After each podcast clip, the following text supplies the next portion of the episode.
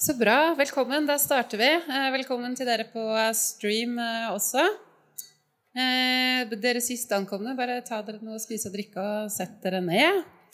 Det har vært en lang dag. Er ikke over enda. Tittelen nå er 'Morgendagens kreftbehandling og næringsliv'. Hvordan få det offentlige med på laget. Det vi skal snakke om her i dag, har helt avgjørende betydning for utvikling av norsk kreftforskning, norsk helsenæring. Basert på kommersialisering av forskning og ikke minst utdanning av morgendagens entreprenører og forskere, nemlig utvidelsen av Oslo Cancer Cluster innovasjonspark. Innovasjonsparken ble åpnet i 2015, 24. august, hvis ikke jeg husker helt feil, av tidligere statsminister Erna Solberg. Visjonen til parken, som står fast fremdeles, det er å skape et av Europas ledende miljø for utdanning, forskning og næringsliv innen kreft. Og vi som på en måte holder hus i parken til daglig, vi vet at det har skjedd helt enormt mye der. Jeg har ikke tall på hvor mange ganger jeg har blitt flyttet på. Fordi mitt kontor skal brukes til laboratoriet. Og det er helt greit. Jeg kan sitte hvor som helst. Jeg kan sitte oppå kopimaskinen om det så skal være. Fordi forskerne de trenger den plassen. Men nå er det jo så prekært at uh, ganske mange av de bedriftene i Oslo Cancer Cluster Inkubator de sitter ikke lenger uh, på Radiumhospitalet. De sitter faktisk i Oslo sentrum. De har fått seg sin egen liten sånn satellitt på noe som heter Rebell, som ikke jeg vet helt hvor er. Og de har det sikkert veldig fint og koselig der, men vi vil jo ha de på, i Innovasjonsparken ved siden av Radiumhospitalet. Det er jo der det skjer, og spesielt nå til, til neste år, når man åpner nye, det nye sykehuset også. Um, og jeg vet at man jobber med masse løsninger. Vi skal snakke litt om en av de i dag. Jeg vet at Kjetil Widberg i Oslo Cancer Cluster driver og snakker om noen brakker. Er, jeg kan sitte der òg, jeg. Det går, det går fint. Sikkert fint der òg, på parkeringsplassen. Eh, men litt tilbake til den åpningsdagen i, i, 2015, som i hvert fall jeg husker eh, veldig godt. Eh, og det Erna Solberg sa, og siterer jeg direkte fra talen hennes Hun sa at eh, Oslo Kanskløster Innovasjonspark er et veldig godt eksempel på privat-offentlig samarbeid. Og så sa hun det at eh, parken vil fylle en viktig rolle i utformingen av framtidas kreftbehandling. Og så sa hun også at helseindustrien er en næring med dobbel gevinst, og at fremskrittene som gjør, gjøres, bidrar til både velferd og helse samtidig. Og skaper verdier og skaper arbeidsplasser. Så det, det er jo lite å, å, være uenig om at eh, det er en, en god sak. Eh, I dag skal vi særlig snakke om det første punktet som, som Solberg trakk fram, det med private-offentlig samarbeid. Eh, og jeg vet at siden 2018 så har man prøvd med å få til en utvidelse av parken i form av å kjøpe opp noen tomter fra Oslo kommune som de ikke bruker til noe eller har tenkt å bruke til noe. Uh, og det har ikke gått så veldig bra. Og så vil jeg også bare si at det, vi skal ikke kun liksom prate om den tomtesaken. For dette, liksom, dette her handler om noe mer. Det handler om noe prinsipielt. Det handler om at vi har en stortingsmelding fra 2019 om helsenæring hvor det står at eh, det offentlige må invitere næringslivet inn hvis vi skal lykkes med å videreutvikle helsenæringen. Eh, og så har man noen veldig flotte planer i, i, Oslo kommune i form av det at man ønsker å skape et innovasjonsdistrikt. Eh, der nettopp også næringslivet må inviteres inn hvis man skal få realisert det. Men dette skal vi komme tilbake til i noen diskusjoner seinere, både mellom fagpersoner og også politikere. Eh, men aller først så skal vi gå tilbake i tid. Vi skal gå langt tilbake i tid. Vi skal gå tilbake til 1903, eh, da Madame Curie oppdaget radium. Og så skal vi se på hvordan altså det faktisk var startskuddet for det vi ønsker å bygge videre på. Så Jonas Einarsson, det er ditt clou.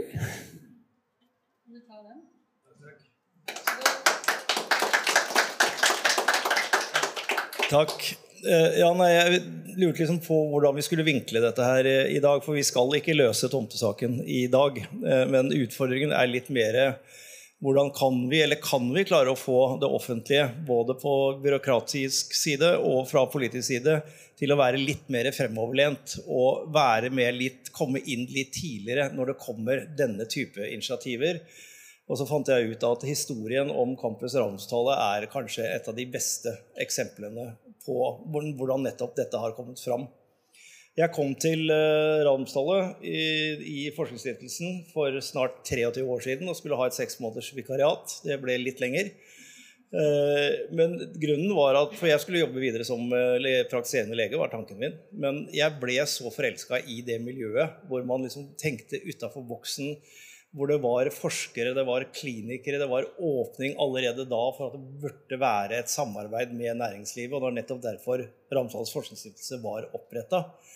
Og jeg så også mulighetsrommet i det, og etter hvert ble jeg også da en ihuga Radiumhospitalets forkjemper eh, gjennom alle de vanskelige prosessene som har vært der, fram til der vi er i dag, og hvor Sigbjørn og co. kan åpne det nye klinikkbygget og protonsenteret om, eh, om, halvannet år. Jeg, bare, jeg, har fått ti minutter av Elisabeth på å dra gjennom det jeg ellers bruker en hel dag på. Så jeg skal prøve å være litt kjapp. For jeg syns dette er en fascinerende historie. Starter altså i 1903 med Marie Curie som eh, oppdager eh, radium. Og relativt kort tid etter så er det en jeg har latt meg fortelle, en veldig smart, men liten dame som heter Ellen Gleditsch, som fikk være stipendiat nede hos Marie Curie. Marie Curie svarte først at hun ikke hadde plass, men hun, eh, Ellen Leder svarte med at hun var så liten at hun tok så liten plass at det var eh, Når dere nikker Svein, så det er antagelig historien riktig. Takk. Så det er en ganske morsom historie. Hun var også veldig instrumentell i når eh, man kjøpte det første radium til Norge. Så hun var en viktig dame i det. Og så var det to herremenn, Heierdal og Huitfeldt, som ble veldig fascinert av dette at man nå kunne for første gang behandle kreftpasienter. Jeg trodde man brukte mye kirurgi tidligere, men jeg har latt meg fortelle at man brukte veldig lite kirurgi på den tiden. Så egentlig så behandlet man ikke kreftpasienter, man bare tok vare på dem. Og her var det noe nytt. De gutta jobba på Rikshospitalet. Der var det veldig dominert av kirurger. Som eh, har sett igjennom intervjuer med Jan Vincent, nå så jeg har historien min riktig, som motsatte seg veldig denne nye fæle greia som skulle komme. Og, og det, man sa at hvis man behandlet pasienter med radium, så kunne kreftsvulsten eksplodere og ta livet av pasienten. Så det var de veldig motstandere av. Men de gutta her de sa at det vil vi ha til Norge. Men etter å ha prøvd seg med noen små private initiativer i eh, Oslo, så fant de at de må ha et sykehus for å ta imot dette og starte med radiumen. Og dette er den korte historien, men de holdt på også fra 1913 og fram til 1932 gjennom gjentatte innsamlingsaksjoner for å skaffe penger til dette. Så hele Radiumhospitalet sies å være og er en gave fra det norske folk til det norske folk. Og var altså finansiert av det norske folk og ikke fra statens side. Tvert imot, for å få plass der oppe på, på Montebello så møtte de også relativt mye motstand mot å få lov til å bygge der. Og Det fortelles til og med at uh, naboeiendom der ikke var noe særlig, synes ikke det var noe særlig populært, for det var ikke bra å ha kreftpasienter gående rundt i gatene. Og det er uh, onde, tunger sier at det er barne, barnebarnsbarnet til han som protesterte mot nye, vårt nye bygg. Men det er noe sånt. Så uh, ble dette sånn sakte, men, men sikkert utvidet. Eh, og her eh, kom etter hvert Ullern videregående skole bak her, og dette kalles for Vestenghaugen. Jeg kommer tilbake til Det er eh, Instituttet for kreftforskning. Men man begynte å bygge mer og mer ut av dette. Og igjen kun innsamlede midler. Ingen statlige midler, og egentlig ingen statlige føringer i det heller. kan man si at Det kanskje var bra eller ikke. Eh, så kommer da Ullern videregående skole, som spiller en uh, rolle i vår historie senere. Den uh, åpnet i 1932, altså nei, 1933, så året etter. Frem til omtrent på dette stadiet så var la, jeg, la meg fortelle, Radiumhospitalet et sted som behandlet kreftpasienter. Men så begynte man å tenke mer og mer på at kanskje det var da ideen om uttrykket 'mer enn et sykehus' kom at man måtte gjøre mer enn bare å behandle pasienter. Man måtte også delta aktivt i forskning, både i epidemiologi og i selve grunnforskningen. Men for det så måtte sykehuset bli mye større. Og det var da Reidar Eker, som vel var den tredje direktøren for Ramsdallet. Det var en som var kort imellom der, som visstnok var en svært visjonær og styrende type, men han klarte å gjennomføre å få da det nye sykehuset opp å stå. Vi må jobbe litt med våre tidslinjer, Elisabeth, for den er ikke helt riktig, men det er ikke så farlig. Det var på 50-tallet. Så kommer eh, da Kreftregisteret, som er altså en av, verdens aller første. Jeg har sett masse kilder på det, om det er nummer to eller tre eh, eller én. Det er litt usikkert, men det er en, en av verdens aller første. Og det var altså forløperen til Kreftforeningen, som, eh, som, kom med gaver og midler innsamlet fra det norske folk til å starte det registeret. Eh, som da kom opp eh, i 52, omtrent samtidig, så kom da i 54, så kom da det første instituttet for kreftforskning. Og Det het Hydros institutt for kreftforskning. Og Det var Reidar Eker som hadde gått rundt med hatten overalt og bedt om penger for å få bygd dette bygget. Og til slutt så var det hva het han, Bjarne eller Bjørn Eriksen, som var generaldirektør i Norsk Hydro, som bladde opp en sum, sånn at de fikk bygd Instituttet for kreftforskning.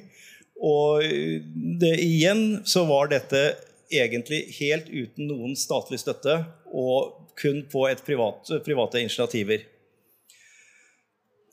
Eh, så er neste ildsjel her, Jan Vincent Johansen. Eh, og da igjen Vestenghaugen, som var her. Han så jo da ganske raskt at her er det ganske trangt. Hvilke muligheter er det for å utvide? Han forsøkte å kjøpe Kløverlia, som lå rett bak der, tror jeg, som var et sånt behandlingssted. Det fikk han ikke. Han begynte da og brukte over ti år på å kjøpe hus for hus for hus for hus på Vestenghaugen med midler samlet inn gjennom Ramsdalets legater. Uh, og så var han fremsynt eh, nok da, til i 1986, og da startet Jeg tror det er det, må det være det første TTO-kontoret i Norge som skulle hadde som oppgave å være bindeleddet mellom næringslivet, farmasøytisk industri og det akademiske miljøet. Ikke for å holde næringslivet ute av sykehuset, men for å tiltrekke dem. Og Det var ganske visjonært å tenke det så tidlig. Uh, bare veldig kort, altså Det var vårt første selskap som vi børsnoterte uh, fem måneder etter jeg begynte. så jeg skal ikke ta æren for det. Uh, men det er altså et selskap som har utviklet flere medisiner som er på markedet den dag i dag. Er fortsatt børsnotert på Oslo Børs. Og har innbrakt noen hundre millioner kroner til Radforsk, som vi har brukt til å investere i nye selskaper, og til en del midler til kreftforskning. Algeta-historien kjenner alle til. Alle sier det ble solgt for 17,8 milliarder. Jeg pleier å si det var 2,8 milliarder dollar. For da regner folk det over i, norsk, nei, i valuta i dag, så da blir det så mye mer. Eh, men det er jo en suksesshistorie spunnet ut av dette miljøet som hele tiden har tenkt translasjonsforskning, som hele tiden har tenkt at vi må ha grunnforskningen må tas vare på, men vi kan også ha anvendt forskning. Alle de store veldig store oppfinnelsene, nye, nye paradigmeskifter, spesielt innen kreftbehandling, kommer fra grunnforskningen. Men så må vi ha translasjonsforskning og anvendt forskning for å verifisere at vi også kan bringe det ut til pasientene. Algeta er et godt eksempel på det, og det havna jo i et godt hjem. Uh, ja, det var i Algeta-bildene. Nå tror jeg jeg har fått den uh, lange, men det gjør ikke noe. Da må jeg bare hoppe i vei. Så øh, fikk vi ideen, Kåre Norum og jeg, om å gjøre noe mer ut av dette miljøet og samle det. Og det var starten på Oslo Cancer Cluster, som vi starta i 2005. Og i 2006 så fikk vi da status øh, som Center of Expertise og fikk da en grunnfinansiering til dette. Og det har jo da utvikla seg videre til det Oslo Cancer Cluster er i dag så var ideen er det mulig å også bli fysisk til stede her. På den tiden så, så holdt vi til uh, ned på Lysakerlokket, tror jeg det var. Startet, altså Radforsk startet med tre hybler i søsterhjemmet i Radiumhospitalet. Og så ble vi kastet ut derfra, og så flytta vi inn etter Fotokur i Noreveien 7 i Vestenghaugen. Og så var vi da i eksil i ganske mange år, til vi kom tilbake i 2015. Eh, dere skal få høre masse om eh, tidligere Vaxibody, nå, nå Nycod. Og igjen et eh, ektefødt barn av dette miljøet. Og her kommer også helsenæringen inn. Altså, vi har nevnt Fotokur, jeg har nevnt Algeta, nå Nycod. Vi snakker arbeidsplasser i store mengder. Vi snakker store investeringer både fra nasjonalt og internasjonalt. Og vi er i ferd med å bygge det som kan bli en helsenæring. Som jeg ikke tror så mange trodde på for 20 år siden, men nå tror jeg man ser at det er mulig. Dette er resultatet av Jan Vincents Johansens oppkjøp av villaene på Vestenghaugen. Han fikk da etter mye motstand regulert om hele haugen fra boliger til å bygge dette bygget. Men igjen så var det dessverre mye motstand innen både det politiske og det byråkratiske før han klarte å gjennomføre det. Uh, ja, vi har brukt en feil, Elisabeth. Det gjør ikke noe. Så da, i 2015, så var Dette var langversjonen, så dere skal være veldig glad jeg hopper over. Fikk vi da åpnet Innovasjonsparken i, i 2015, og det var en stor, stor milepæl eh, for oss. Her er enda mer av selskapene våre. Dette er da eh, sånn som det kommer til å se ut når eh, Sigbjørn og co. har fått bygget dette ferdig. Her er Innovasjonsparken ligger kliss opptil Institutt for kreftforskning, klinikkbygget og Protonsenteret. Og så håper jeg liksom at vi har det siste bildet på denne. Der. Så eh, holder vi på nå og skal sette i gang byggingen av det vi kaller for Lamell 4. Det er et nytt bygg ved siden av den eksisterende parken.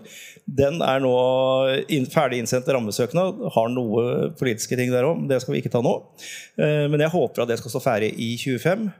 Her vil det være plass til bedrifter, og også at vi kan avhjelpe Radiumhospitalet med litt mer plass som de også trenger. Dette er siste bilde. Dette er bare et sånt tenkt bilde, men da vil altså det Lamelle 4, 12 000 kvadratmeter, vil bli liggende der. Og så trenger vi masse masse mer plass. Så dette er det berømte kvartalet hvor vi slåss om disse tomtene. Og etter min mening så bør det være plass til en 35 000-40 000 kvadratmeter til der. Dette bygget er på 36 000 kvadratmeter. Dette er egentlig siste mulighet vi har for utvidelse på Campus Ramstallet. Hvis ikke vi får Sigbjørn til å rive denne gamle bygningen når de er ferdig med det nye klinikkbygget, så har vi en mulighet der òg. Men det er visst ikke lov til å snakke om ennå. Nei. nei. Poenget mitt er, jeg hadde ikke tid til å gå gjennom, men absolutt alle de tingene jeg har gått gjennom nå, utvikla Campus Ramstallet, er private initiativer fra ildsjeler og det er innsamlede midler, og det er investorer. Det kostet 1,3 eh, milliarder å bygge det første innovasjonsparken. Det, hvis vi får det til, mellom halvannen og to milliarder. Vi ber ikke om ei krone til det. Det har vi investorer som går inn og gjør. Men vi må ha et samarbeid med det offentlige. Og jeg mener at når vi kommer og presenterer sånne planer som dette her, så bør man egentlig få en fast track. Og da kommunen sier dette er så viktig for oss at vi ønsker å gjøre det. Vi skal selvfølgelig følge alle regler, skal ta vare på alle eiketrær og alt det som uh, måtte gjøres. Men at vi virkelig legger bredsida og godvilja til. Og det trengs det politiske føringer på. For byråkratene har sitt mandat og det de skal gjøre. Så jeg klager ikke på de i det hele tatt. De har hatt med å gjøre i plan og bygg, eller om det er EBY eller hvem det er. De gjør det ut fra sitt mandat, men det er bare politikerne som kan gi dem et utvidet mandat. Og det er egentlig det jeg tenker at vi kan ha å diskutere når vi nå får presentert enda mer hvilke store muligheter vi har i dette området.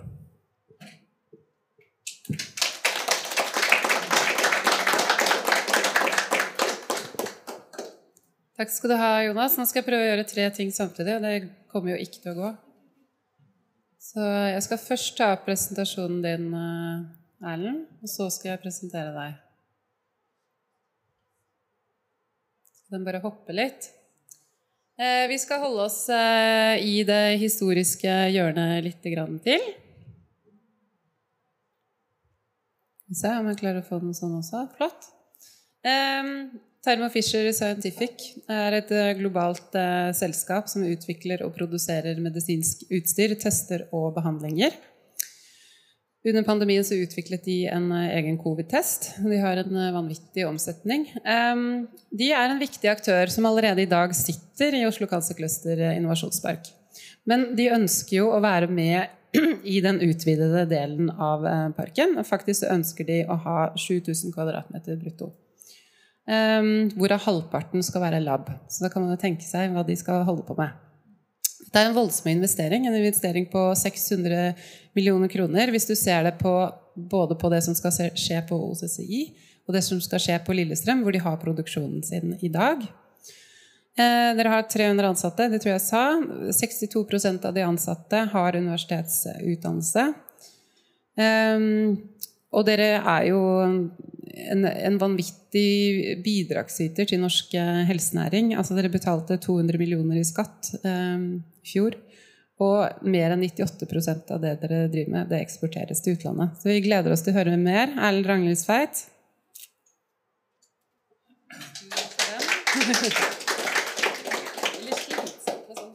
Ja.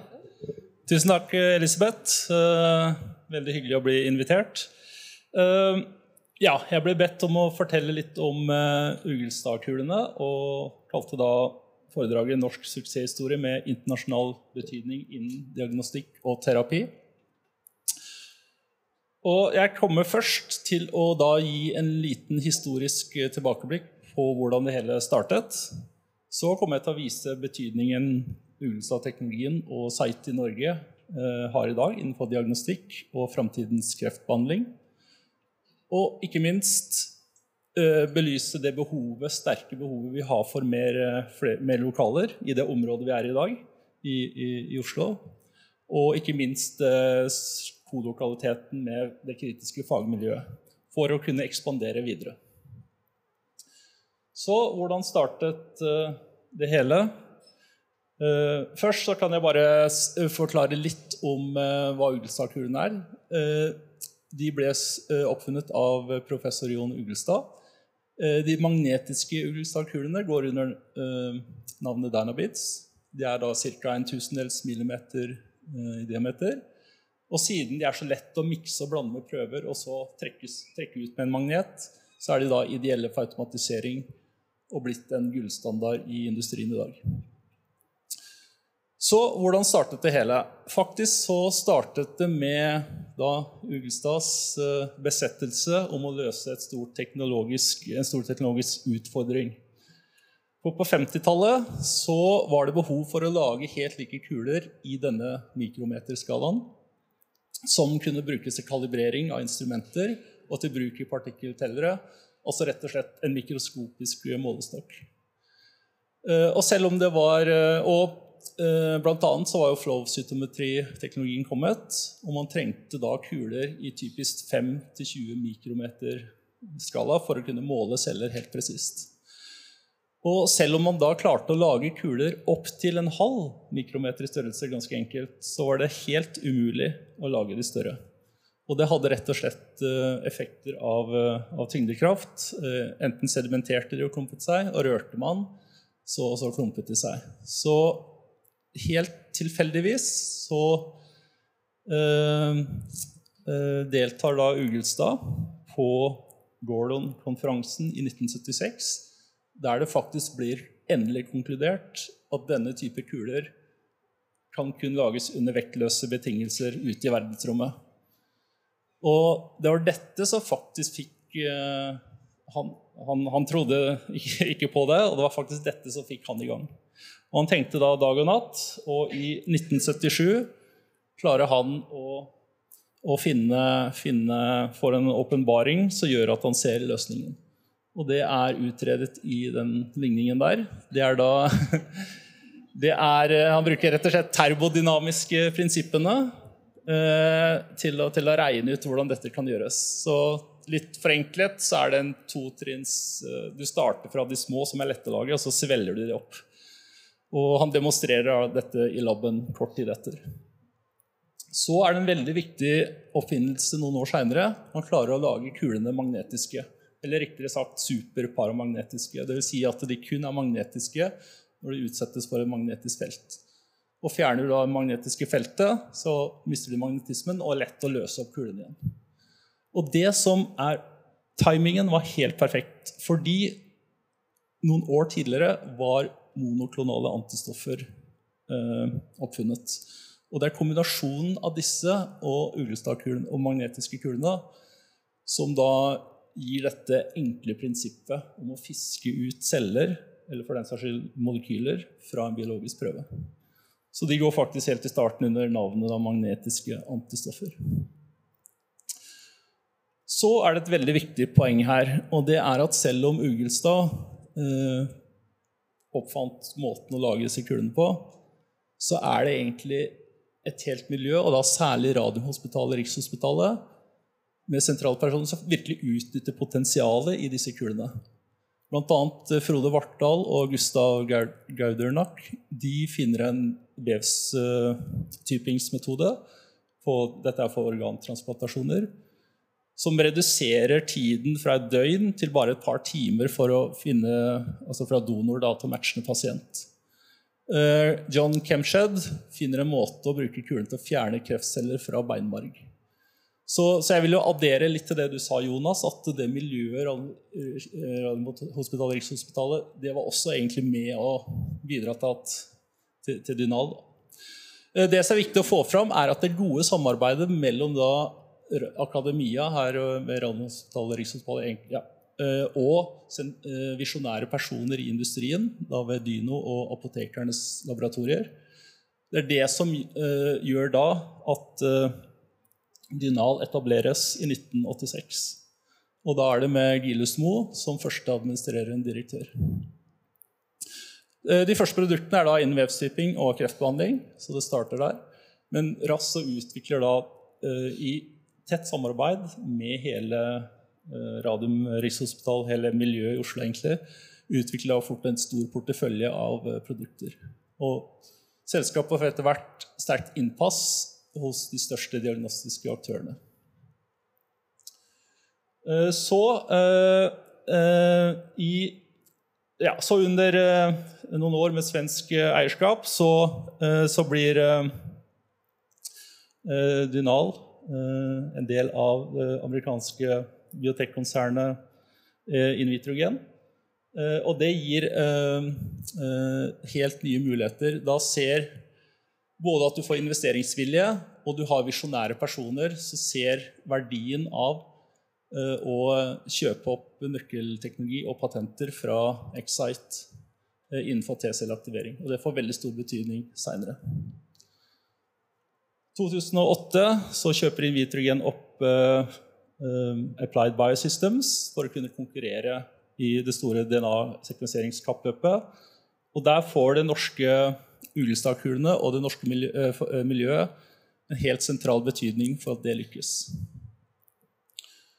Så endelig blir Life Technologies kjøpt opp av det største aktøren på, innenfor dette feltet, Thermo Fisher Scientific. Så forteller litt da om Thermo Fisher. Det er da verdensledende innenfor science. 40 milliarder dollar i omsetning, mer enn 100 000 ansatte i over 50 land og en enormt stor investering i R&D. Eh, veldig stor bredde eh, av ulike produkter. Alt fra eh, ja, covid-testene, DNA-sekvenseringsutstyr, allergitester, kromatografi, elektronmikroskopi og lab-utstyr som pipetter og, og plastikk og kjemikalier. Også faktisk verdt å nevne at våre Ugelstadkulene inngår i veldig mange av disse også. Så litt over til eh, vårt site. Så Dynal-arven kan man si, eh, gjør at vi, det er veldig viktig å være klar over at eh, vi, et, vi, i Norge er et konsern i konsernet, hvor vi alle funksjoner representert. og majoriteten av de 300 ansatte det er innenfor forskning og utvikling og produksjon. Eh, både på Lillestrøm, hvor selve kulene lages, og da eh, i Oslo, hvor, eh, hvor de coates og funksjonaliseres og lages det endelige produkter. Og vi har også ekspandert inn i Oslo Cancer Cluster Innovasjonsparken, der vi har de andre funksjonene, og, en del, og hvor vi også nå har utvidet med laboratorier for celleterapi. Eh, vi har en bra, formidabel vekst, nærmer oss snart 2 milliarder i omsetning. Og i tillegg er vi i Thermo Fisher et senter of excellence, eh, hvor vi da også indirekte bidrar til omsetning på 67 milliarder for andre enheter, andre deler av selskapet. Litt forretningsområdene våre. Vi da, er innenfor uh, forskningsmarkedet, diagnostikk. Uh, ja, Forskningsmarkedet det er eh, katalogprodukter innenfor f.eks. kits innenfor celle- og proteinisolering. Diagnostikk er det viktigste feltet for oss. Der er vi som nevnt vært i, innom leverer kuler til alle de største diagnostiske selskapene i dag. Og selve Thermo Fisher har vært veldig delaktig i, i covid-testing. Med mer enn 50% av testene ble utført med Thermo Fisher-teknologi. Det som ikke alle vet, er at Uglestad-kulene benyttes da i disse PCR-testene. Og vi måtte da oppskalere produksjonen vår kraftig for å kunne levere. Det var ikke bare våre kuler som ble benyttet, men vi også bidro til de testene. Der. Så med covid kommer også mRNA-vaksinene. Og der er det viktig Der har vi i Norge også spilt en stor rolle. Der har vi nå utviklet en helautomatisert workflow for både syntese og rensing av mRNA. Og den mener vi vil bidra til mer altså kostnadseffektiv og mer skalerbare produksjon av mRNA-molekyler. Vi tror dette en, det vil nok brukes til nye vaksine, eller infeksjonsvaksiner. Men kanskje det viktigste feltet her er innenfor mRNA-baserte kreftbehandlinger. Veldig viktig område, som jeg sa innledningsvis, den investeringen i T-celleaktiveringsteknologien. I 2011 var det et veldig stort gjennombrudd der man brukte CAR-T til behandling av blodkreft, altså en viss type av blodkreft på pasienter som ikke responderte på tradisjonell behandling. Og veldig raskt fortalt så brukes Dynabeads i hele denne workflowen. Alt fra å isolere T-cellene, aktivere de, og så blir cellene modifisert og gjenkjenner kreften. Og så er det signaler på disse Dynabeadsene som gjør at de deler seg, og dere kan dyrke det opp i stort antall og sette det tilbake i pasient, hvor de fjerner kreften. Og der har vi, Veldig tidlig var det en suksesshistorie med Emily Whitehead, som hadde noen dager igjen å leve. og Kom inn på den behandlingen, og etter noen uker var kreftfri. Og fortsatt nå, ti år etter, helt kreftfri. Uh, dette gjorde også at vi uh, altså denne altså, Betydningen av CAR-T gjorde at Novartis innledet et samarbeid med oss i Norge i 2013. Eh, og i 2017 så ble den første FDA, fikk man første FDA-godkjennelsen til denne type terapi i USA. Uh, igjen er dette miljøet vi er i Oslo altså Radmos, uh, Oslo Cancer Cluster-miljøet, veldig viktig for oss. Uh, vi har flere pågående samarbeider. Både, blant annet Vi har nå nylig, eller kommer snart nå til å lansere en ny automatisert workflow Eh, og dette gjøres da i samarbeid med miljøet på Radiumhospitalet. Og I tillegg har vi samarbeid for å utvikle nå neste generasjons eh, celleterapier. Eh, så, så, bare for å understreke det Dette er litt av grunnen til at også Dyna ligger der, eller vårt site i Oslo ligger der det ligger. Nettopp dette samarbeidet med miljøet er ekstremt viktig for oss. Så veldig litt noen nøkkeltall. Eh, vi har en eh, veldig bra vekst. Eh, det ble nevnt salget. Vi nærmer oss snart 2 milliarder der. Og en viktig skattebidragsyter til, til staten. Faktisk er vi blant de topp fem amerikanske datterselskapene som betaler mest skatt i, i Norge. Ja, 99% er eksport. Nå, fordi vi er i den veksten vi er, så ansetter vi flere folk. Og vi og det investeres nå i nye ekspansjoner. Blant annet har vi bygget et nytt innovasjonsbygg på Lillestrøm. Og vi har akkurat nå startet å sette opp det nye produksjonsbygget. Mens Oslo er fortsatt under utredning. Og det er særlig da laboratoriefasiliteter som, som virkelig trengs her. Så helt uh, siste slide her. Uh, vi er i en stor vekstfase. Det er både kjempemuligheter for oss, men også utfordringer. Det er disse arealene i Oslo. Eh, jeg tror Elisabeth, du nevnte Det er et sted mellom 5000 og 7000 kvadratnett kvadratmeter vi trenger. Og det er laboratorier, kontorer. I tillegg så er det visningssenter for selvterapi. Fordi vi er i en posisjon nå hvor også celleterapi ved vokst veldig der, kan bli et, en hub for Europa for termofisher. Men vi trenger da lokalene. Eh, en annen ting er nettopp denne nærheten til det vitenskapelige miljøet og talentene. Og der er jo hele Life Science City eh, et ekstremt bra miljø. Og vi holder jo da til i eh, um, Oslo Cancer Cluster Innovasjonsparken. Og vi valgte faktisk å selge to av de tomtene vi hadde, nettopp for å få fortgang i, i dette arbeidet. Eh, så det er viktig for oss. Og vi også Thermo Fisher tror jeg er viktig i dette økosystemet, fordi vi da gir teknologi tilbake. Også, det er også folk som jobber hos oss, som begynner i andre selskaper. Sånn at, eh, sånn at vi, vi, hjelper litt den veien også. Så øh, det var egentlig alt jeg ville si. Viktig appell for meg er vi trenger virkelig plass nå. og det haster å, å, å få konkludert rundt dette med tomter og bygg av Oslo Cancer innovasjonspark. Tusen takk for oppmerksomheten.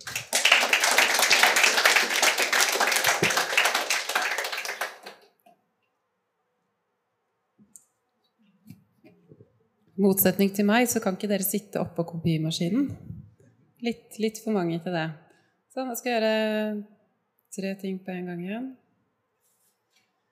Uh, ja, bare ta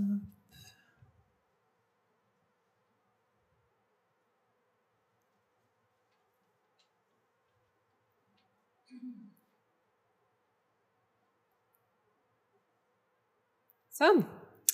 Eh, da skal vi over til eh, nyere historie. Som ikke minst er under utvikling, og som jeg også tenker sånn på sikt kan bli en like spennende historie som det du fortalte oss nå, Erlend, om eh, altså Dinan og nå Thermo Fisher. Og en historie vi trenger masse, masse mer av. Nå det er jo ikke sånn at uh, Vaxibody og Nycode har spunnet ut av nødvendigvis forskningen på Instituttet for kreftforskning, og sånn, men dere har jo spunnet ut av et veldig nærliggende miljø på, på Rikshospitalet og er i Forskningsparken. Uh, og ansetter jo helt vanvittig mye folk og får jo ikke tak i kompetanse engang i Norge, så dere utvider jo Danmark, som har litt mer flere folk å ta av. Uh, for å fortelle mer om Nycode, hva Nycode er, hvilke planer de har, visjoner de har, så er det veldig hyggelig å ønske velkommen til Mikael Enstig, CEO. Vær så god. Takk for det. Også for mig tak for invitationen. Jeg er dansk, som I kan høre. Jeg håper, det går fint med alle sammen. Ellers se til, så kan vi skifte over på engelsk. Jeg skal prøve å tale langsomt, men gå hurtig igjennom slides. Det er en utaknemmelig oppgave å, å, gjennomgå historien for, for Nycode, gamle dager Vaxibody, på, på 10 minutter, men jeg skal prøve å gjøre det bedste.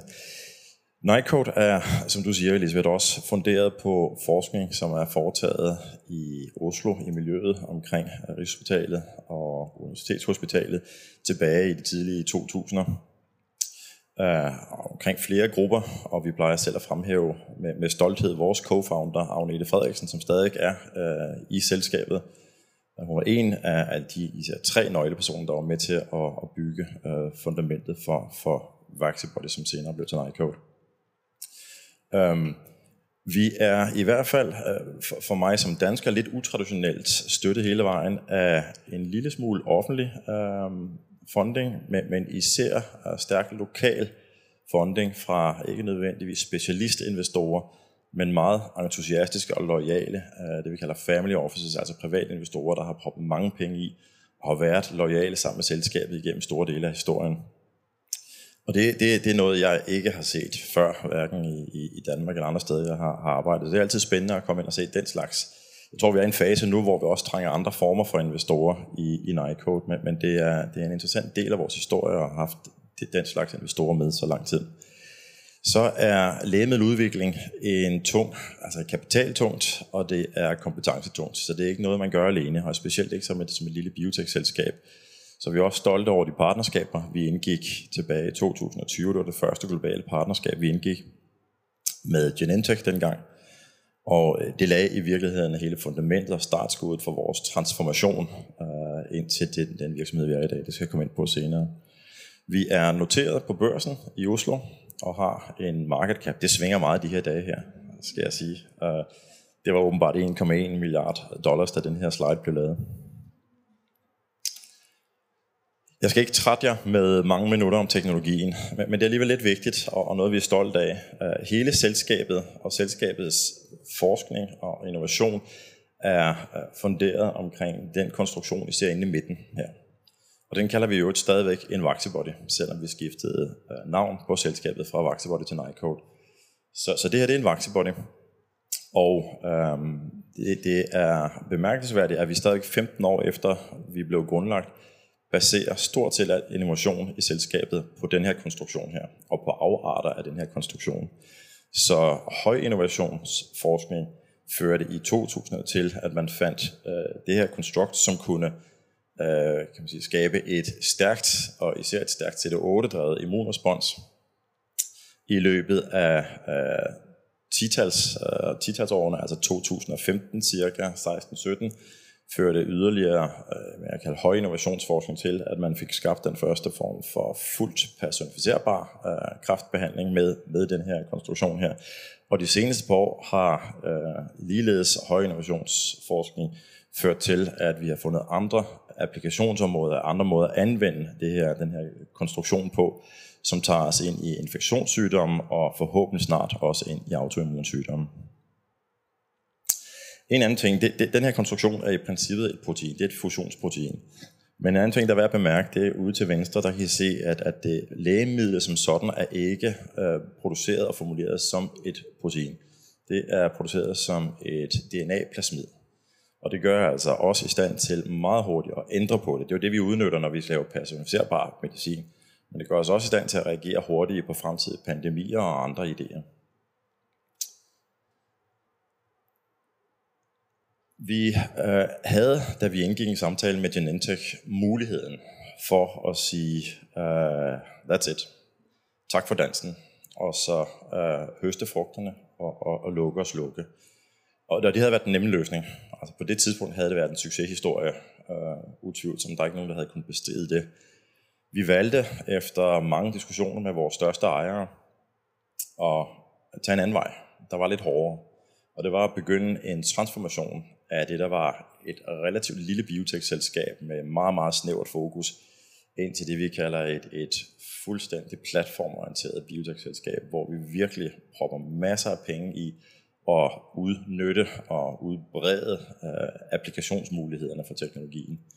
Og det kræver masser af kræfter, det kræver masser af kapital, og det er jo altså investorernes kapital, som de så igen førte, i stedet for at tage det ud af selskabet, tilbage i, i selskabet. Øh, i håb om, at det selvfølgelig fører til nye lægemidler og, og værditilvækst for aktionærerne. Vi formulerede en, en uh, trestrenget strategi tilbage i starten af 2020, da vi kunne se, at aftalen var, var så småt begyndende at udforme sig.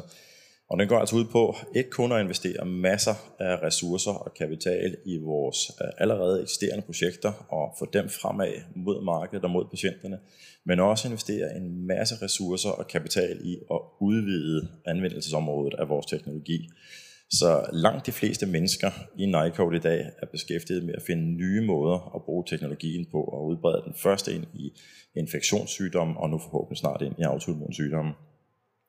Og så ved vi godt, at vi kan ikke gøre alt selv. Så den tredje del af vores strategi, det er at søge partnerskaber til at komplementere vores egne styrker. Og det gør vi både for at accelerere vores, vores projekter, for at få tilgang til ny kompetencer, og selvfølgelig også øh, for af og til at få adgang til ny kapital. Og de tre partnerskaber, som vi er ekstra stolte af, er selvfølgelig dem, vi har listet her. Det startende med Genentech-aftalen 2020. Men vi har altså også indgået to andre aftaler siden da, øh, så vi samlet set har nu tre globale aftaler med, med det, vi kalder leading globale pharma- eller biofarmaselskaber. To af dem er udlicenseringsaftaler. De fører en masse cash med. Det, det hører man meget om i medierne, når man gør. Men, men vi er faktisk også stolte af det samarbejde, vi har med Adaptive, som er en indlicenseringsaftale. Den fører ikke så meget cash med. Det er i princippet os, der, der lægger penge på bordet her. Men den gør altså os i stand til at accelerere udviklingen af vores projekter. Og samlet har de her aftaler været i stand, at de har ført til en validering af vores teknologi. Det er helt anderledes, når vi kommer ud på de globale konferencer nu, efter vi har indgået de her aftaler her. Og det er jo også med til at bringe Norge på øh, landkortet som, som et, en interessant nation for biotech. Det giver os en masse cash. Vi, vi siger her potentielt set mere end 1,6 milliarder dollars i det, vi kalder kombineret upfront og milestone-betalinger, plus selvfølgelig royalties, hvis de når markedet. Det gjorde os i stand til at accelerere udviklingen, de, de, vores partnere kan accelerere de her projekter og, og føre de her projekter gennem udviklingen langt hurtigere, end vi selv kan. Um, og det gør, at vi kunne accelerere transformationen af vores selskab ind til et platform biotech-selskab. Når dagen er omme, så måles et biotech-selskabs på de projekter, de har, uh, og deres fremdrift frem imod patienter og markedet. Og derfor er vi selvfølgelig også både stolt fokuseret på denne den her liste af, projekter, vi har i, i udvikling, som, som vi selv synes udgør øh, et bredt og dybt fundament både ind i kraftbehandling og i infektionssygdom, og ligeledes det, vi kalder en sund blanding mellem partnerprojekter, hvor vi har partnere, som ejer en del av prosjektene og hjelper os, uh, og det vi kalder holy own, altså projekter, vi selv ejer fullt ut og har alle rettigheter til, til, til et kommersielt potentiale i, i fremtiden, i hvert fall inntil videre. Vi har også, øh, og det er selvfølgelig det, der fører til, til fundament for en godkendelse i sidste ende, øh, eksponeret teknologien til patienter, øh, ganske mange efterhånden. Vi har, har været og er engageret i fem forskellige studier, vi selv kører, altså selv er sponsor for. Øh, de breder sig over otte forskellige lande, inklusiv USA, øh, med fire forskellige øh, lægemidler, potentielle lægemiddelkandidater, i 12 forskellige indikationer, hvor jeg selvfølgelig de fleste er forskellige former for kræft. 150 patienter eller raske frivillige har, har været eksponeret til uh, Vaxibody, og vi har givet mere end 600 uh, øh, doser nu. Og det gør, at vi med en vis tryghed uh, kan sige, at produktet på nuværende tidspunkt må være veltolereret og sikkert at bruge, og vi ser en god korrelation kalder immunrespons, som følger af, af vaccinationen, og et klinisk effekt. Og vi ser, at den kliniske effekt både er klinisk relevant for lægerne, og den er langvarig. Og hvad så det for, for, for samfundet? Der er, som, som du, du nævnte, Elisabeth, øh, en masse medarbejdere og arbejdspladser i, i samfundet. Vi, øh, vi var cirka 20 mennesker tilbage i slutningen af 19, da, da jeg kom til selskabet, og da vi kunne se, at aftalen begyndte at komme på plads med Genentech, satte vi i gang i transformationen og begyndte at ansætte masser af mennesker. Og uh, i dag, de her tal her, de er tilbage fra maj i år. Vi er i, dag op omkring 160 uh, personer, og har fortsat planer om at, at vokse, og når formentlig op i, i 108, 180 i løbet af, af i år. Langt de fleste af de her mennesker her er ansat i forskning, altså i, i højvidenskabsstillinger øh, og bidrager med, med ny innovation, patenter og dermed også værdiskabelse, ikke kun for aktionærer, men også for, for samfundet. Um, og vi, vi har til trods for, som jeg har sagt et par gange her, uh, vores besværligheder med at finde talent, altså stadigvæk rigtig mange mennesker ansat i, i Norge. Jeg tror, vi er en 130 uh, i dag med, med de seneste tal og vi vil fortsætte med at vokse i Norge, til trods for, at, at vi har nogle udfordringer med at få fat i, i yderligere talent. Vi har også investeret massivt i vores eget laboratorie. Øh, vi har samlet alle kræfterne i, ett et state-of-the-art laboratorie på Forskningsparken. Før var vi spredt ud over hele Forskningsparken og havde også et satellitlaboratorie op på OCC. Nå nu er vi glade for endelig at have vores, vores helt eget, hvor alle vores de forskellige funktioner kan gå og, arbejde og have noget, krydskontaminering med idéer på tværs, det fører også til ny innovation med øh, deraf afledte fordele for samfundet. Men det er altså også her, at de fremtidige medarbejdere i de næste generationer af biotech-selskaber bliver, bliver uddannet. Er en af de ting, jeg plejer at slå på, det er, at det ikke nok bare at få akademiuddannede øh, forskere. Vi skal altså også have noget industrierfaring og noget industriforståelse. Og det får de af at arbejde på sådan nogle her laboratorier, inklusive også Thermo Fishers laboratorier. Så altså, de her laboratorier er helt uundværlige for, for fremtidige biotech-sektor og life science-sektor i Norge. Hjertet af, af vores fremtidige vækst er innovation. Og det er helt klart. Det startede innovativt, uh, og så vil jeg måske lidt provokerende sige, at det havde en meget lang fase, hvor uh, meget af tiden gik på at prøve at skaffe kapital.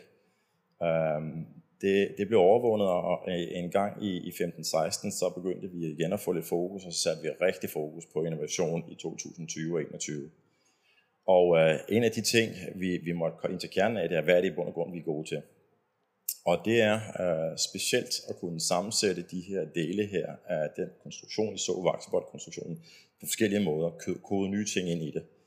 Og, og det, det, vi føler vi, når dagen er om, er, er rigtig god, det er å finne nye måter å kode medicin på. Og jeg håper, I finder nye måter å kode medisin.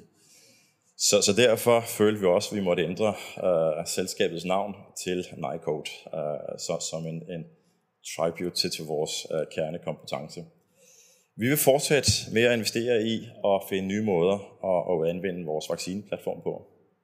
Uh, og det vil både føre nye måter å behandle kreft, men det vil også føre oss inn i nye terapiområder. Det seneste skuddet er, som jeg sa, autoimmun sykdom. Og så bruker vi ufattelig mange krefter på å stimulere den innovative ånd i, i selskapet på tvers av hele organisasjonen. Og det er nok noe av det står aller høyest på vår interne dagsorden um, i det daglige. Det var kort. Meget kort. Takk.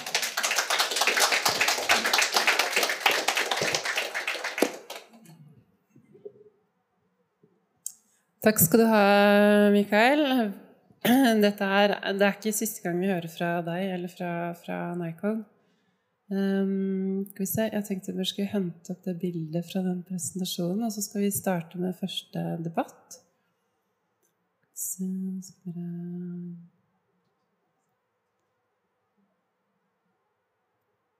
Sånn.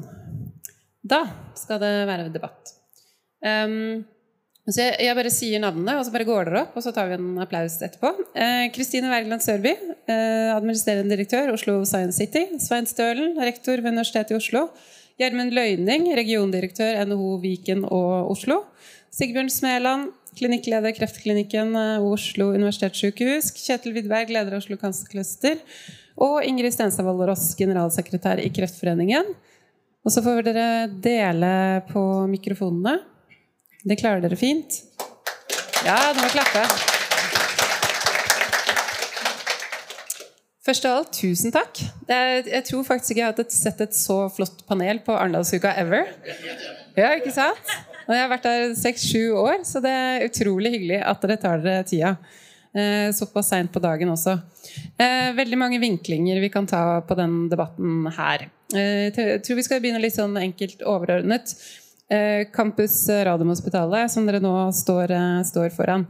Eh, hva, hva, legger dere i betydningen? Hva kan denne bety for hvis vi tenker Oslo som kunnskapsby, utvikling av kreftbehandling framover, norsk helsenæring, ikke minst norske kreftpasienter? Jeg vil begynne med deg, Svein, og så tar vi rekka bortover. Jeg Jeg har lyst til å starte med å si at jeg syns jo det er det er mange debatter i løpet av en uke. Men nå er jeg klar. Jeg synes jo det er litt morsomt å se både Ellen Glederskjær, uh, se Algeta, som kom ut av Kjemisk institutt, se Nykode, som kom ut av basalfag sammen med sykehusene, og også dette, det, selvsagt eh, Fischer, som kom fra NTNU. Og jeg synes jo Noe av det som er viktig her, det er dette samspillet mellom ulike aktører. Vi har vært altfor dårlige på det! Og så døtter vi på nå. Og da, når vi har øh, vært med litt og dytta på det som kalles Oslo Science City, så har vi jo lært utrolig mye av Oslo Cancer Cluster. Dette er måten å tenke på. Vi må jobbe på mye måter. Vi må redusere barrierene på interaksjon på tvers.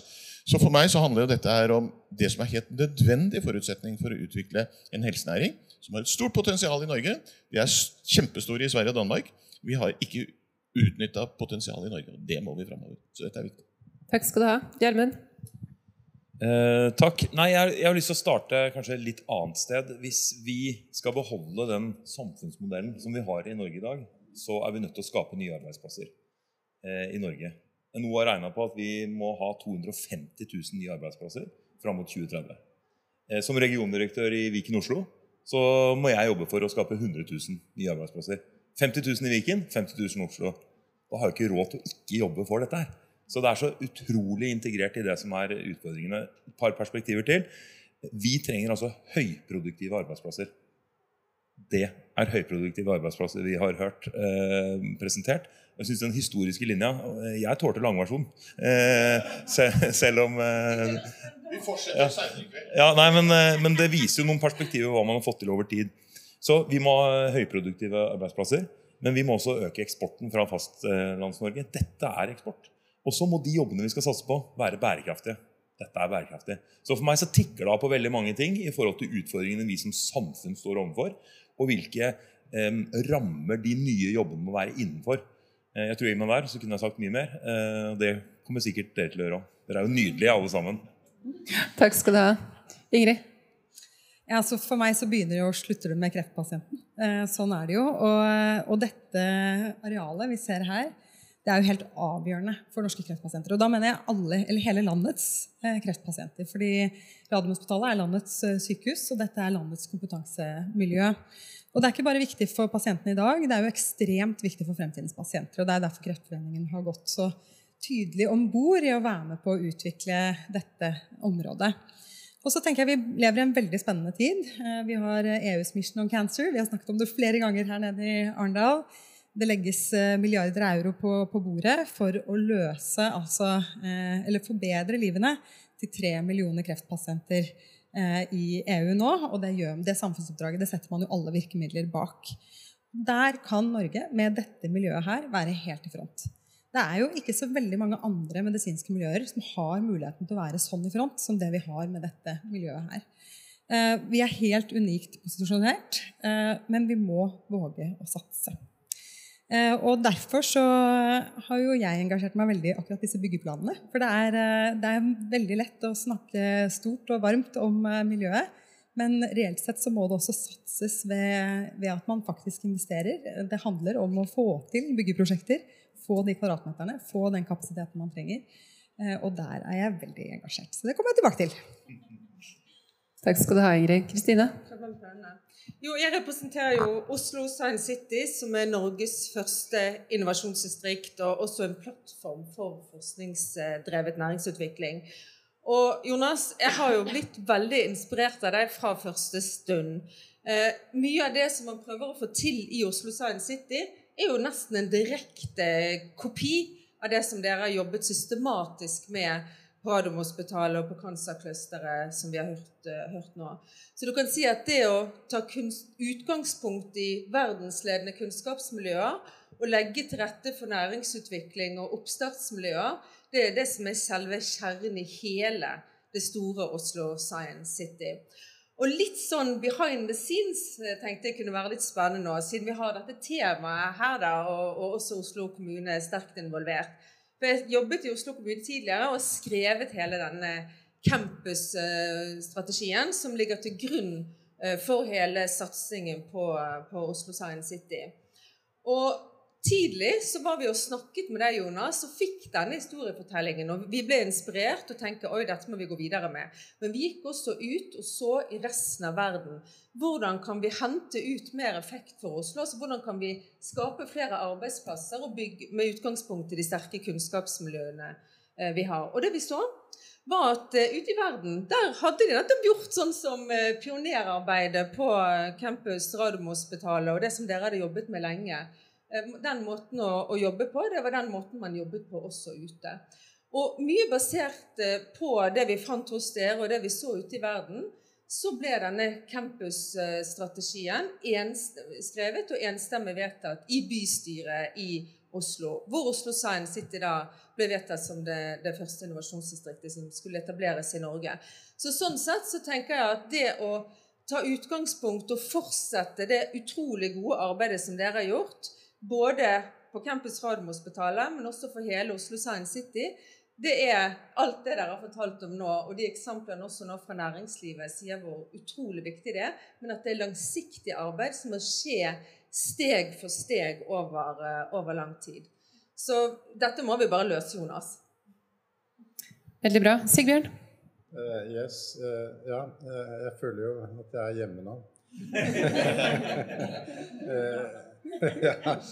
Det er klart at eh, det som er litt refleksjon på det, er at uh, Radiumhospitalet altså som site har en unik posisjon. og så fortalte de historien. Det har vært noen kloke valg. Uh, og Det er flere nøkkelpersoner. og Reidar Eker og, Jan altså har vært helt liksom, instrumentale i det der. Og så er det mange flere også som har vært du hadde skapt altså den, egentlig det som nå er konseptet, altså med den klyngestrukturen. For egentlig så var det for 50 år siden, rett og slett. egentlig.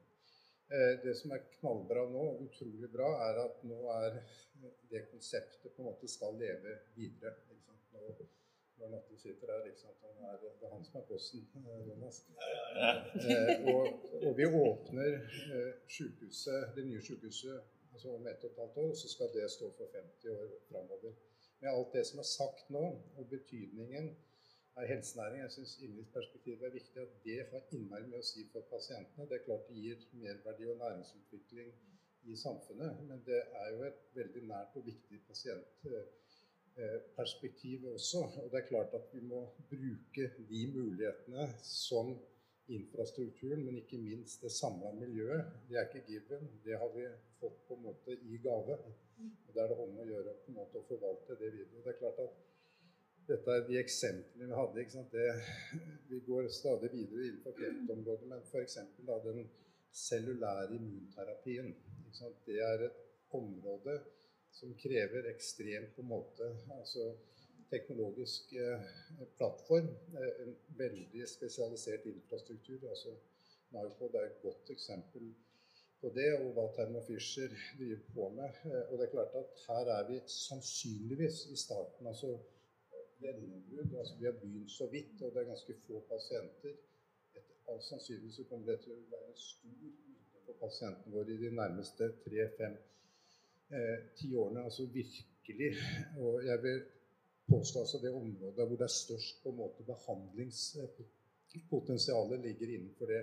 Og da har vi det på en måte hjemme i våre egne rekker. Det er klart på en måte, altså Vi er bare nødt til på en måte å være helt sikre på. altså Det er en no-brainer. altså at vi får til dette. Vi har alle forutsetninger. Vi har til og med arealene. Og så må vi bare få til at det blir det riktig bygget på riktig tid på de arealene vi har til disposisjon.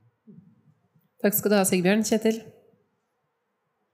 Det er jo mange ting jeg kan si. Eh, Jeg tror det er jo veldig gøy å kunne jobbe med en problemstilling eh, eller et prosjekt som Oslo Cancer Cluster og hele miljøet på Radiosdal har blitt, og bringe videre eh, det som Jonas eh, og mange andre har bygd opp. Eh, Det er jo to ting som blir beskrevet her i dag. Det ene det er immunterapi og den strukturen som ligger rundt det. Og det andre er presisjonsmedisin. Og Det er jo et fokus som vi har hatt lenge, men det bygger på det faktum at det er ikke så mange land i verden hvor du har røftlig 60% av kreftpasientene som kommer inn på ett sted. Hvor du har et kreftregister, og hvor du har ildsjeler som bruker livet sitt på å bygge infrastruktur rundt. Det er ingen selvsagthet. Og, og man kan bli liksom, man bare venter, ja, men det er sånn. Jonas, man, Jonas står på. ikke sant? Altså, man tar det litt som selvsagt. Det er ikke selvsagt at det er private krefter som står på på den måten. Det er ikke selvsagt at uh, selskaper bygger opp selskaper som Thermo samarbeider med skole, med småselskap på laben, altså gir tilbake. Vi skaper et økosystem hvor de store selskapene også kommer inn og sier ja, men eh, Roche kommer inn og sier ja, men vi jobber jo, vi ser jo sammensmeltingen i presisjonsmedisin. Vi ønsker å være med på dette. Vi ønsker å Snekk går inn og samarbeider og kjøper opp om Community som et selskap. Hvordan kan vi bidra inn i dette? Altså Du får den synergieffekten mellom både globale selskaper, store og små selskaper, ildsjeler og eh, det offentlige. Og den, når du da ser hva vil gå videre med celleterapi, vet vi hvilken organisk materiale vi samler inn for virkelig å kunne behandle pasienter 10-20 år frem i tid rundt sykehusene. Tenk, altså, eh, et godt eksempel. Kyne Nagel hadde en medlemssøknad til eh, Oslo Cancer Cluster, er medlem nå, eh, for en del år tilbake. Så var vi litt overraska. Hvorfor det? Og så forklarte de jo vi er jo en av verdens største på kjøletransport. Og vi ser at Oslo Cancer er langt fremme innenfor celleterapi. Vi, vi, vi vil bare høre på. Eh, Vi trenger ikke være så aktive. For vi vet at når det går, så skal vi være der. Takk skal du ha. Eh, hvis vi ser litt på mer eh, ja, Hvis vi går til stortingsmeldinga om helsenæring, private skal, privat næringslivet skal inviteres inn. Um, det er jo ikke alltid, alltid like lett. Um, og så se på denne saken da, som har liksom gått i, siden 2018. Og, og, og sånn, når jeg hører dere ikke sant, si, snakke Jeg har snakket masse med Jonas om dette her også siden 2018. Altså det, for oss er det jo no-brainer. Dette er jo liksom bare vinn-vinn-vinn på alle mulige måter.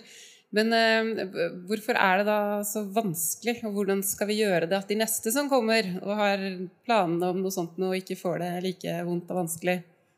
Jeg vet ikke om jeg er den rette til å svare på, på akkurat dette, som er mer det sånn bygningstekniske, men, men, det er ekstremt viktig at vi får det til. Og jeg tenker at det vi må sørge for framover, det er jo flere ting som involverer det offentlige.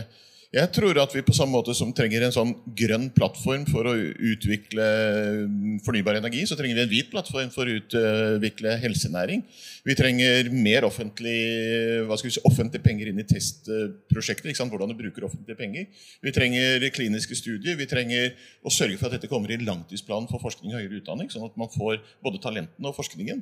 Så det er, det er, mange ting her som blir viktig framover, og kanskje også legge til at igjen, Vi var jo i Sverige sammen med kronprinsparet, og da var det veldig mye snakk om eh, helsenæring fra svenskenes side. Men når vi hørte norske politikere, så snakket de om vind. Ikke sant? Så få også kunnskapsbasert helsenæring inn som en del av det som hele Norge eksporterer. Denne helseeksportplattformen til regjeringa er ekstremt viktig. Takk. Bare vi lar den gå, vi. Vi lar den gå. Ja. Nei, altså, eh, jeg må innrømme at eh, når jeg forberedte meg og skulle fortelle andre at jeg skulle delta i den debatten, så prøvde jeg å si nei, det var litt sånn offentlig-privat samarbeid. Og da går rullegardina ned allerede der vet du, hos en del jeg snakker med. Eh, så jeg, eh, jeg, kjenner at eh, det er nesten så jeg blir engasjert, men det går fort over. Men, men, nei, men jeg, jeg, vi har liksom kjørt oss på et sted som ikke er så godt å, Vi har havna et sted som ikke er noe godt å være i den overordnede samfunnsdiskusjonen her. For dette handler jo om å kapitalisere på offentlig finansiert forskning på sykehusene våre, som vi har investert tunge eh, summer i. Og så, på toppen av det, så kan vi ved å ha bedrifter her tiltrekke oss enda mer kapital. det blir bare det her er sånn område som det blir større jo mer du deler av det. Det er ikke så vanlig for oss å tenke det. Men dette er jo kunnskap og kompetanse som blir større, og det skaper miljøer. Så her i Arendal så bor jeg i, vi har et hus, og der bor jeg sammen med fire andre regiondirektører i NO. Så satt vi og diskuterte en kveld. Så var jeg litt oppgitt over situasjonen her. Og jeg, jeg er ganske sikker på at hvis eh, denne lokasjonen hadde vært i en av mine gode kollegers eh, rike, så har jeg en følelse for at eh, det hadde vært rød løper og full fart og stemning. Og så har vi kjørt oss inn. og så eh, Den saken og sånn fins det mange grunner til har havna der. Men det er jo ingen som er fornøyd med at vi havna der. Og da er det jo bare én ting. Det er å gjøre noe med det. Eh, og jeg syns historien her viser at det er at vi kan kapitalisere. altså Samfunnet får mer igjen for det man har investert i grunnforskning og det man har investert i sykehus. Så dette er eh, veldig viktig at vi klarer å realisere eh, og gjøre noe med. Sånn, da er pulsen lavere igjen. Takk for at dere hørte på.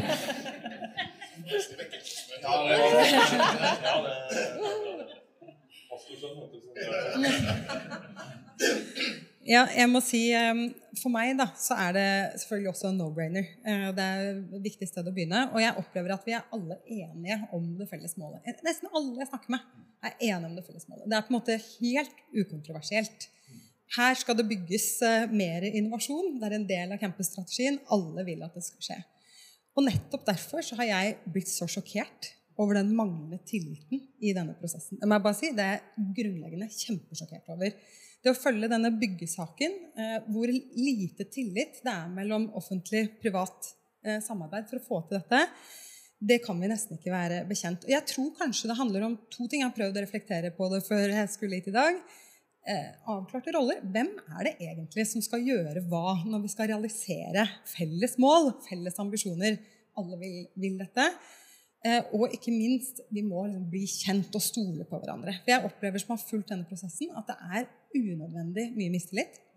Eh, og selv ikke kontrakter er godt nok, liksom, for man stoler ikke på motparten. Eh, og jeg må si jeg bare jeg, det har jeg null forståelse for. For det er et vinn-vinn-vinn-prosjekt. Og vi må komme over i et tillitsspor hvor partene finner ut at uh, dette får vi til hvis vi stoler på hverandre. Det er nok med kontraktuelle forhold. Vi kan forholde oss til vanlige uh, regelverk og, og, måter å gjøre dette på.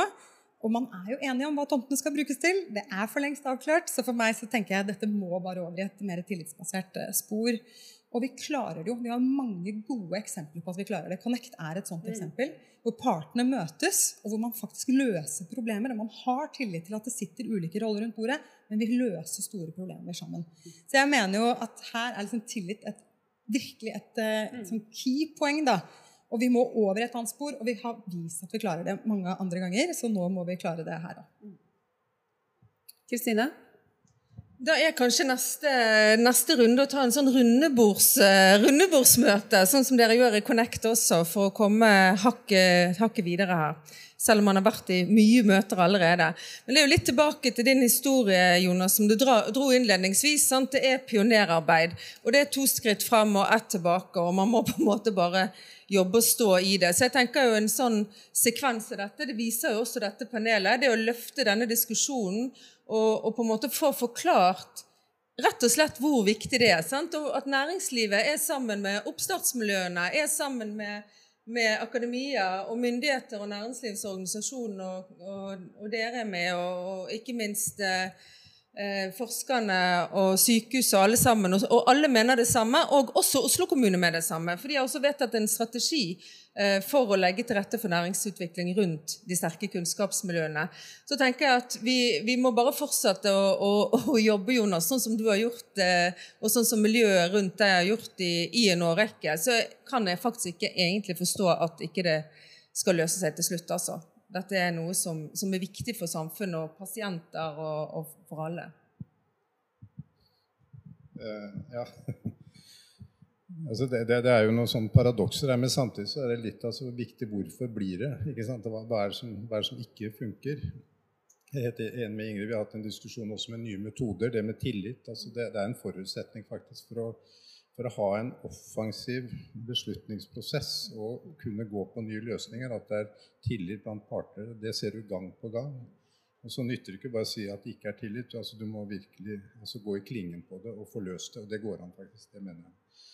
Eh, og så er det litt tilbake til altså, dagsorden, det med helsenæring. Så syns jeg det er to aspekter ved det eh, som er ganske viktige. Altså, det ene er det offentlige, altså private samarbeidet, hvor man altså bringer direkte inn og har gode eh, si, samarbeidsprosjekter. Men det andre er faktisk også at eh, det trenger ikke å være en bioteknologi eller en farmasøytisk, men det er rett og slett altså kapital. Altså, og det, det, de vet jeg på en måte, det er der, og det er interesse for det. Og det henger sammen med på en måte hva slags track record man har i forhold til hvordan du bringer inn. Og Da er det gode eksempelet. og Da er både Jonas og Ingrid er eh, sentrale på det med det aktsenteret, altså Advanced Cell Therapy. Der har vi fått mobilisert 50 millioner, og så er det Jonas og Ingrid har to av de tre aktørene. Og Der er det ingen forventning om at man skal få noe rente eller avkastning eller noe sånt noe. Men det det muliggjør, er at vi bygger opp et internasjonalt på en måte spiss Altså virkelig et uh, high class uh, miljø innenfor celleterapi og etablerer altså nødvendig infrastruktur. Og det som på en måte er forventningene og ambisjoner, er, og det ser vi egentlig litt allerede altså At det dukker opp på en måte altså de spennende innovasjonene som direkte på en måte kan altså nyttes over i pasientbehandling. Og så har du helsenæringa der. Men noen må altså, vi må ha den kulturen. Apropos tillit. Altså det å legge ut altså, Da har vi fått det der. ikke sant? Men vi må jo svare på det. Det, det gjør vi jo. ikke sant? Altså, vi har jo innmari mange flinke folk.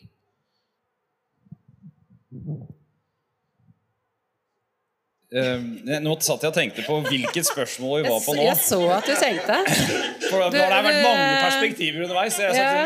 Men du, du, kan få siste ord liksom i panelet, for vi skal ha politikere som skal debattere også. Så det er no pressure. Ja, nei, men Da tar vi, da tar vi helsenæring. Og jeg synes Når Mikael kommer, eh, snakker eh, dansk og kommer fra Danmark og Danmark har gjort noe på helsenæring som eh, Det er en helt annen holdning enn Norge har. og det er litt sånn, Dette er et senter og et miljø som, som står seg godt internasjonalt. Danmark de er aktivt ute eh, med sine ambassader og bruker de til å fortelle om helsenæring. Og, og, det slår meg det kan virkelig funke. Og Et eksempel det er at Norge vi har gjort det samme. Aldri på helse, men vi gjorde det på laks. Og da var de ambassadeansatte i Japan de sa at norsk laks det er bra. Det kan dere bruke på sushi. Før det brukte ingen eh, laks på sushi. Tenk hva det har gjort for norsk næringsliv. Det samme kan vi ved å bringe ut historier som f.eks. rundt dette senteret til verden. Det var litt sånn høy halleluja igjen der. Yes og amen. Tusen takk.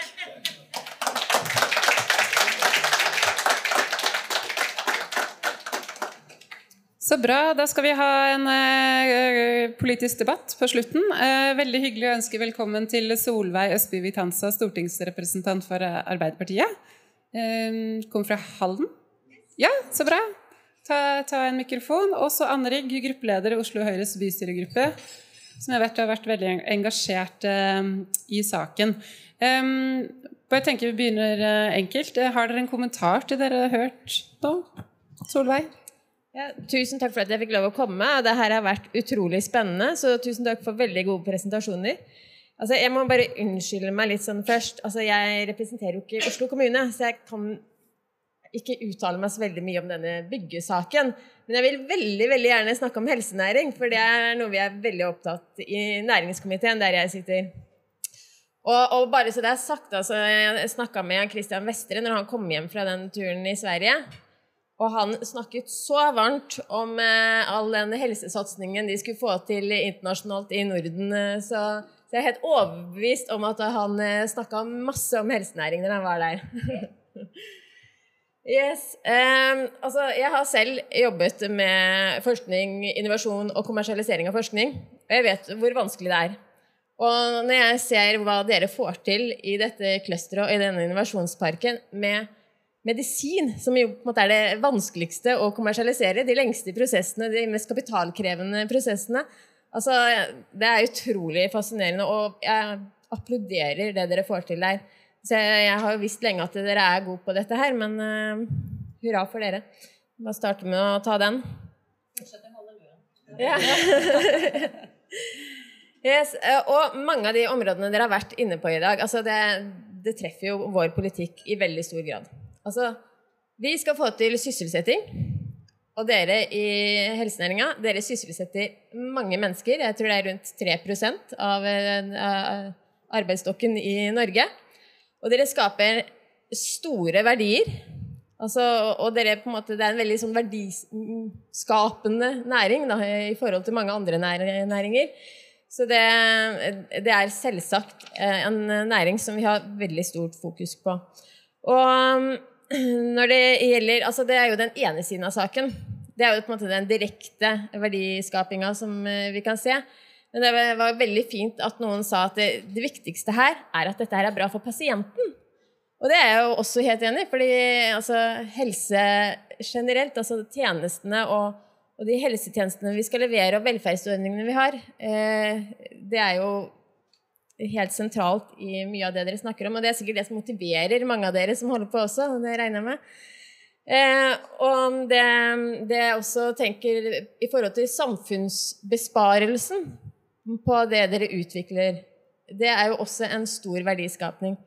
For her sørger vi for at vi reduserer sykdomsbyrden, vi reduserer helsetjenestekostnadene, og vi reduserer produksjonstap. Altså ved at folk ikke kan være i arbeid. Fordi at dere bidrar til å få folk friskere, rett og slett. Og det, det er en veldig viktig ting for oss som jobber med samfunnsutvikling, da, for det er jo det vi politikere driver med.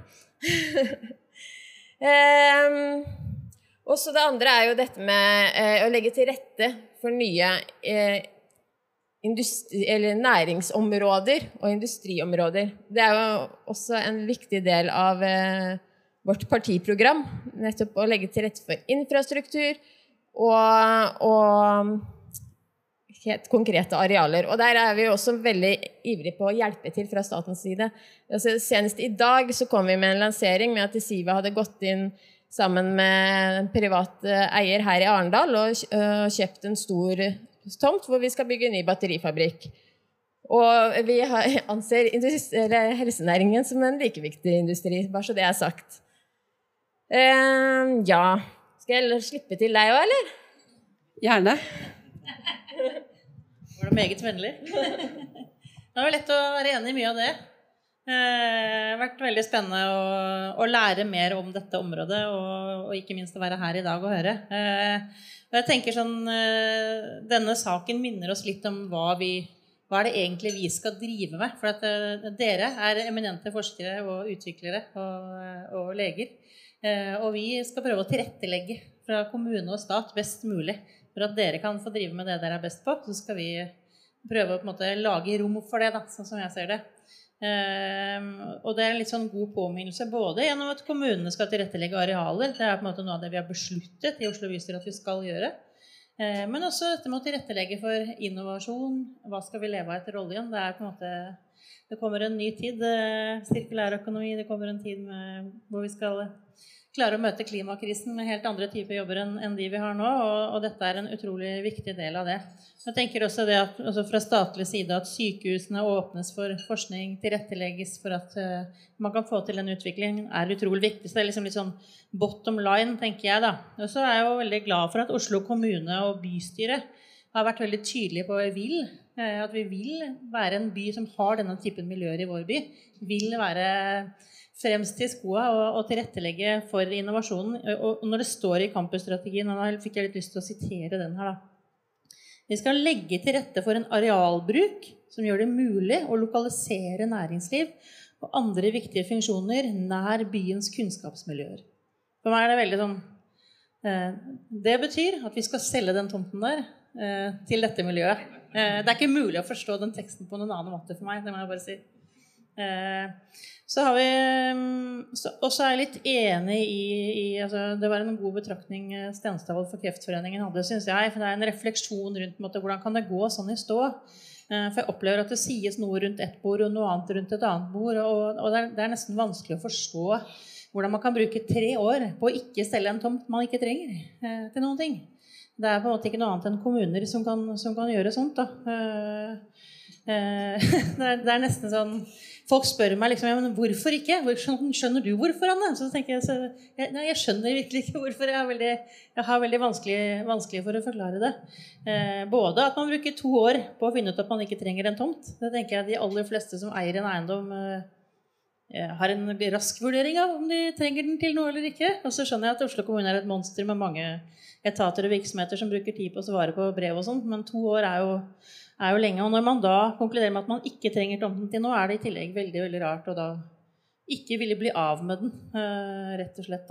Så, så, jeg håper jo oppmerksomheten saken har fått litt nå, eh, kan få dine kollegaer eh, og, og SV og MDG i Oslo til å, til å, tenke seg om en gang til, og til å, til å gjøre litt som Stensdal oppfordrer til, å tenke på pasientens beste og sette seg ved bordet og tenke Kan vi ikke få det til? Kan vi ikke prøve en gang til? Um, tusen takk. Gode svar, begge to. Veldig, veldig bra å høre.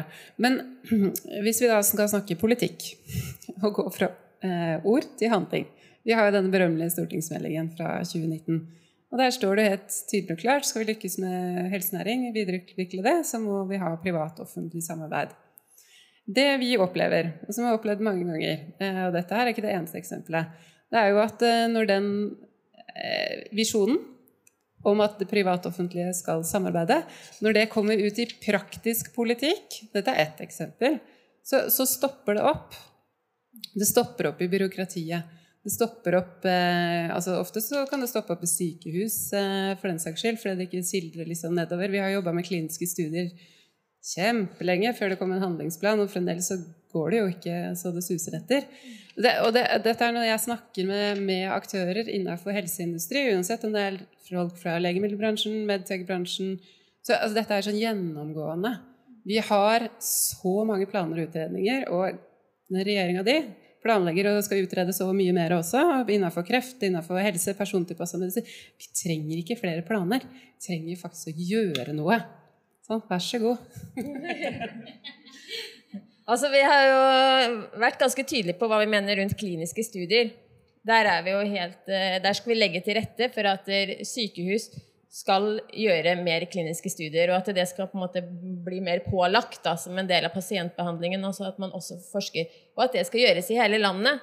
Eh, jeg vet ikke hvordan det gjøres akkurat nå, men jeg tenker at det er naturlig. Skal man liksom få et sykdomsbilde som representerer hele befolkningsgruppa i Norge, og etter hvert også for andre land når det skal ut.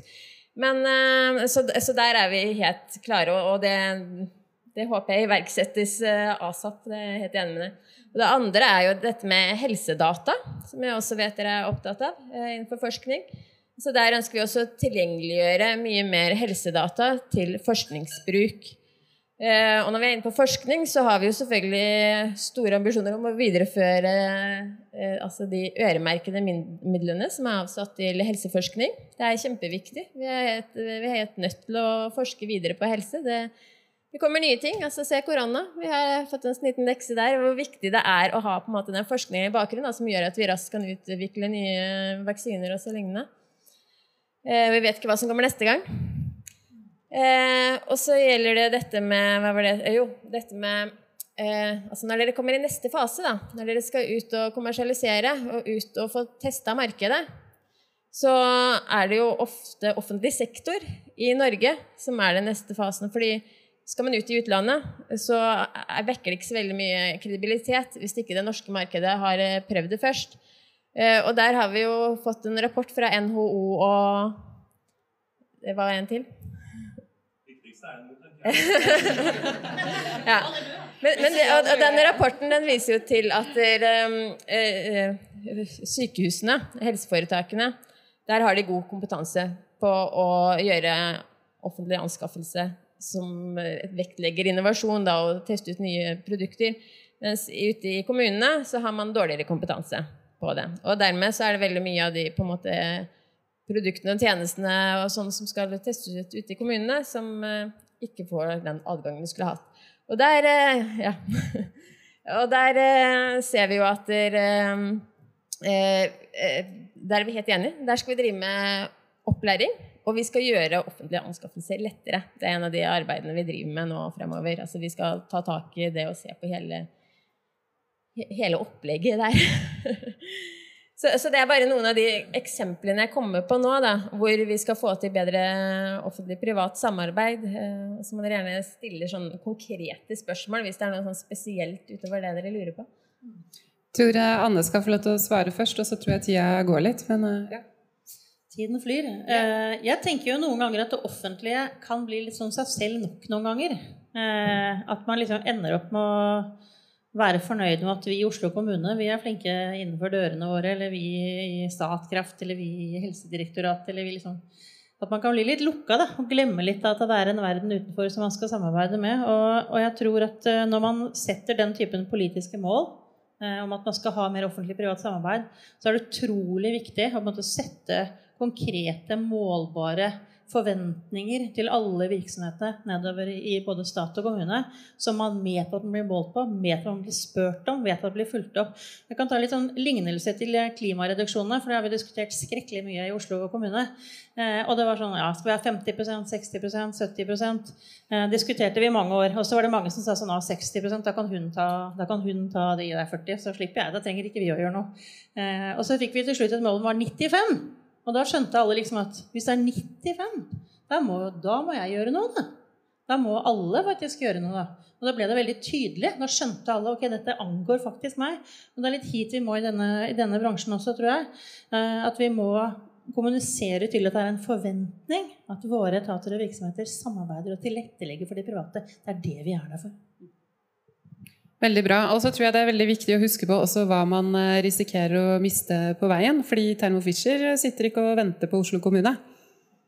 Det, det kan vi slå fast, eh, Erlend. Det er for tålmodige folk. Ja. Det, dere har flytta ut ting eh, fra, fra, Oslo før ja, på folkehelsa. Så det, så det, er litt sånn state of urgency, som, også, som, jeg også føler på at den ser man ikke i byråkratiet. Når man ja, gjør det man gjør der. Ja, der kan man alltid ta et møte til i neste uke, for der står det ikke noe i kalenderen. Eh, da har man en luke neste tirsdag. Nei da. Nei, det er, det er jo eh, Ja. Nei, det er en, det er en kjempeutfordring, altså. Og det er klart eh, Disse arbeidsplassene ønsker vi å ha i Oslo. Og det er virkelig, sånn som jeg ser det, vår jobb å tilrettelegge for at denne type miljøer er rundt universitetet, er ved Radiumhospitalet. Det er internasjonalt unikt. Det er superviktig for oss å ha det. For pasientene, men også for arbeidsplassene, for, for forskningen og utviklingen. For å løse kreftgåten er det kjempeviktig.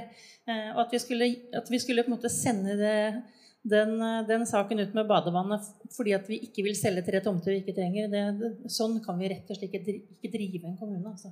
Litt mer fart enn det. jeg en Jeg håper at min eh, gode kollega fra Arbeiderpartiet eh, vil ta en telefon til sine kjære kollegaer i Oslo og oppfordre dem til å sette litt fart i denne saken. Altså, det er en liten oppfordring. Ja. Eh, Det står ikke på vilja der heller. Altså, det leste man jo senest i Dagsavisen i går. Så det, alle ønsker dette her. Og, og jeg er helt sikker på at alle som jobber i kommunen, har fulle kalendere neste uke.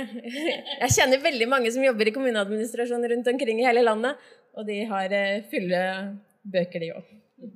Ikke fordi det skal være noen unnskyldning for å utsette prosessen, men bare slå et slag for dem òg. Så bra. Tusen takk. Tusen takk for at dere kom, eh, begge to. Tusen takk for at dere kom. Takk til dere på stream. Takk for i dag.